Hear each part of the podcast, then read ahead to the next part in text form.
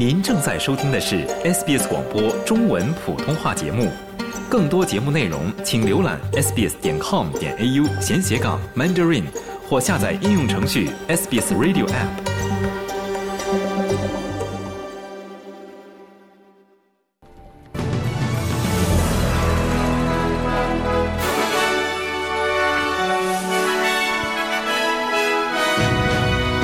对二零零三年内阁文件转交情况的官方审查启动。南非指称以色列种族灭绝，澳洲政府被敦促支持。伊朗发生爆炸事件，至少造成一百零三人丧生。新西兰航空获评全球最安全航空公司。以下是新闻的详细内容。前澳大利亚国防部常务副部长丹尼斯·理查森接受任命，负责对2003年内阁文件转交至国家档案馆的情况进行审查。预计审查情况将在接下来的两周内进行报告。该项审查目前是前总理莫里森未能提交有关前霍华德政府决定让澳洲加入由美国领导入侵伊拉克的七十八份文件的情况。这些文件后来被找到并交给了档案馆。而当时的联邦总理和内阁部将这次移交失误归因于2020年新冠疫情造成的干扰和明显的行政疏忽。总理阿尔巴尼斯表示，澳大利亚民众有权详细了解有关伊拉克决策过程的情况。The National Archives of Australia should release. 澳大利亚国家档案馆应该发布所有已提供给他们的文件。当然，在国家安全机构的建议下，需考虑国家安全问题。但除了可能将人置于危险中的情况之外，没有理由不以透明的方式发布这些文件。Why these documentations should be, with the exception of putting people in danger, should be not released in a transparent way. 总理阿尔巴尼斯表示，联邦政府正在考虑乌克兰提出的请求，即向该地区提供更多的煤炭，以保证冬季的电力供应。俄罗斯将目标对准了乌克兰的能源基础设施。乌克兰要求澳大利亚运送煤炭，以避免该国民众在寒冷的月份里受冻。阿尔巴尼斯说，政府正在考虑这一请求。澳大利亚的巴勒斯坦民众表示，在加沙战争持续进行之际。联邦政府应支持南非在国际法庭起诉以色列的种族灭绝案。澳大利亚此前曾发表声明，支持乌克兰在俄罗斯入侵后于法庭上起诉俄罗斯。澳大利亚巴勒斯坦宣传网络希望澳洲联邦政府也能为加沙问题采取同样的行动。该网络主席纳塞尔马什尼表示，在国际法和种族灭绝问题上不能有双重标准。澳大利亚今天必须站出来支持巴勒斯坦民众人民，并与国际社会共同努力结束以色列的种族灭绝行为。但澳大利亚犹太人执行委员会联席首席执行官亚历克斯·雷夫钦表示，这样的推动贬低了种族灭绝的含义和对实际大规模暴行的记忆。澳大利亚外交和贸易部表示，了解诉讼程序，但不适宜对于法庭审理的事项发表评论。塔斯马尼亚州珀斯镇出土了一座19世纪的监狱的石墙，这座监狱曾经关押过臭名昭著的丛林盗贼。朗塞斯顿历史协会召集人约翰·登特、考古学家达伦·瓦顿和近二十多名志愿者在朗塞斯顿以南约二十公里处的一处遗迹发掘了第一座珀斯监狱的遗迹。工作人员表示，挖掘机挖入地下六百毫米。经过九天的挖掘，才揭开了这座六米见方的建筑物的神秘面纱。出土的物品包括一枚1827年的硬币、珠宝和饰品，以及大量的纽扣、粘土烟斗、破损的瓶子和钉子。在维多利亚州农村地区，一名男子和他的狗获救后，当局恳求驾车者不要在驾车的过程中涉险通过洪水。维多利亚州警方称，在墨尔本北部的维德伯恩，一名六十岁男子驾车冲进一条被洪水淹没的街道，之后不得不从车顶上被救出。警方、乡村消防局和州紧急事务处的工作人员称，这名男子和他的宠物狗爬到半淹车辆顶部躲避洪水，之后被拉到了安全地带。维德伯恩警方的本休斯曼警长称，他们幸运地躲过了一劫。当时非常危险，有一段视频显示他的车淹没在水中，他的下巴浸在水里，坐在驾驶室的车门上、车窗上，然后才爬上车顶，真是千钧一发。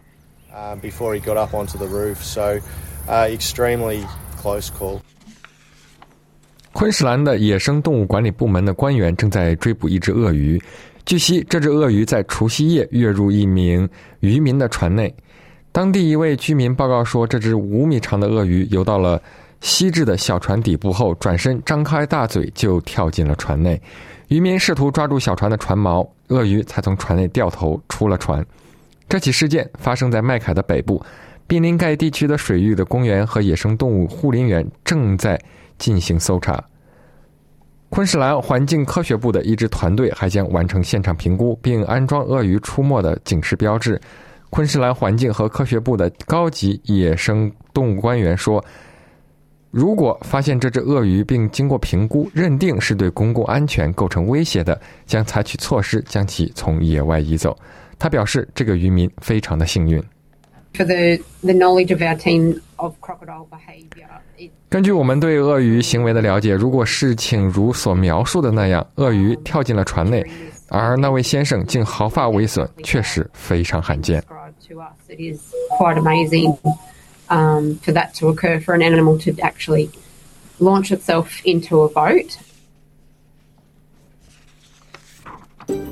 您正在收听的是 SBS 中文普通话节目。接下来关注更多国际、国内方面的消息。在伊朗举行的纪念最高指挥官卡西姆·苏莱曼尼的仪式上，两个爆炸装置被引爆，造成至少一百人死亡。伊朗国家电视台称，至少一百零三人在爆炸中丧生，另有二百一十一人受伤。这次袭击是伊朗同类事件中最严重的一次。政府表示，当地时间今天四将是哀悼日。伊朗官员谴责了这起袭击事件，并表示他们将责任归咎于不明身份的恐怖分子，因为没有人声称对袭击事件负责。联合国秘书长发言人弗洛伦西亚·索托尼诺在袭击发生后发表了讲话。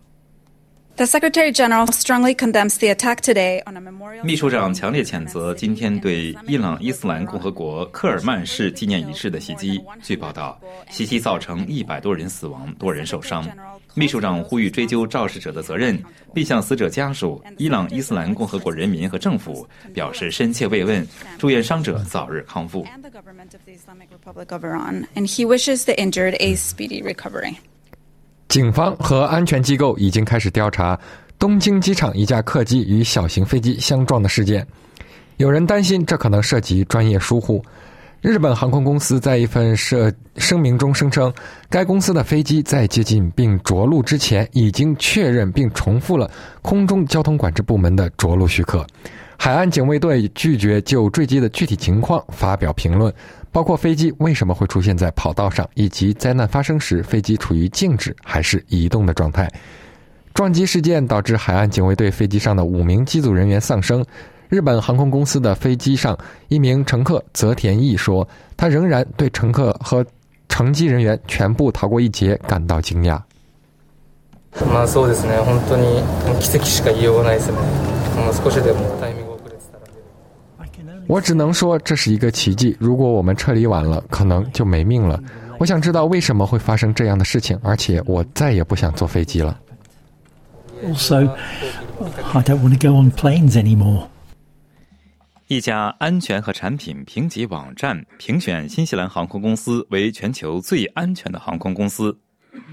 在二零二四年最安全的二十五家航空公司排名中，新西兰航空公司从去年的冠军澳航手中夺得第一名的位置，维珍澳大利亚航空公司位列第三。AirlineRatings.com 主编杰弗里·托马斯表示，新西兰航空公司的飞行员在一些极具挑战性的环境中工作，如在皇后镇周围的多山地形和惠灵顿机场的强风中航行。惠灵顿的绰号又叫多风惠灵顿，这对每个人都是挑战。惠灵顿机场对所有飞行员都是极大的挑战。很明显，惠灵顿机场是新西兰航空公司的主要枢纽之一，他们经常从这里飞进飞出，因此该航空公司的飞行员在国内航线上面临着巨大挑战。这确实磨练了他们的技能。Um, and it really hones their skills. 纽约市市长艾纽约市市长埃里克·亚当斯在其新年首次新闻发布会上，对德克萨斯州州长格雷格·艾伯特进行了严厉的抨击。亚当斯表示，由德克萨斯州支付费用的包租巴士正在将移民运抵纽约市的各个地点，而行政命令规定，此类旅行的公司在进入纽约市之前必须提前三十二个小时发出通知。他说，仅上周就有三千名移民抵达纽约。亚当斯说：“需要联邦政府的支持来面对这场危机。” The national government needs to fix this problem. We got 3,000 migrants asylum. 联邦政府需要解决这个问题。三千名移民和寻求庇护者上周进了纽约的收容所，三千人。国家政府必须解决这个问题。而且我很惊讶，我们的注意力没有放在一个事实上，即这不应该发生在纽约市、芝加哥、丹佛、休斯顿、埃尔帕索、德克萨斯的布朗斯维尔这些城市不应该出现这种情况。墨尔本发现有毒亚洲蟾蜍蟾蜍物种后，发出生物安全警报。当局正在努力弄清这种有毒蟾蜍是如何出现在墨尔本的。这种蟾蜍广泛分布于东南亚，包括巴厘岛、泰国和巴布亚新几内亚。节礼日下午，墨尔本东南部的一位居民在 Huntingdale 火车站附近的 j e r i n Trail 散步时，发现了一只他们认为是蛰蟾蜍的东西。并用杯子舀了起来。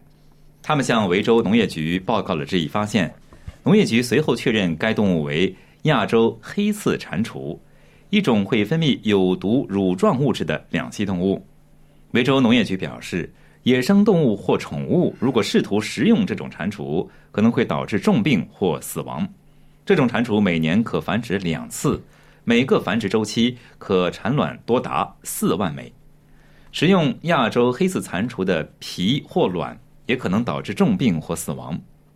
这只蟾蜍是维州当局自1999年以来发现的第十八只此类蟾蜍。维州农业局的生物安全经理亚当凯敦促墨尔本民众向维州农业局报告任何进一步发现这种两栖动物的情况，因为根据该州法律，亚洲黑刺蟾蜍被列为有害生物。接下来，我们来看一下澳大利亚元的汇率。在国际货币市场上，今天一澳元可以兑换零点六七二美元，一点零七七新西兰元。同时，一澳元可以兑换四点七九二元人民币，五点二四九元港币，二十点八八亿元新台币。在今天第一小时新闻节目的最后，一起来关注一下全国各主要城市的天气情况。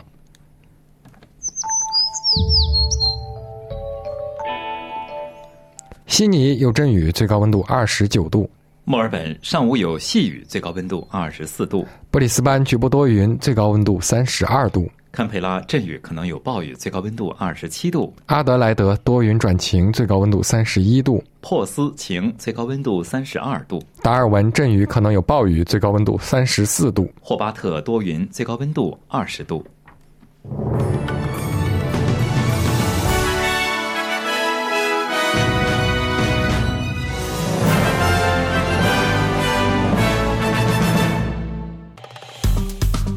喜欢、分享、评论，欢迎您在 Facebook 上关注 SBS 普通话页面。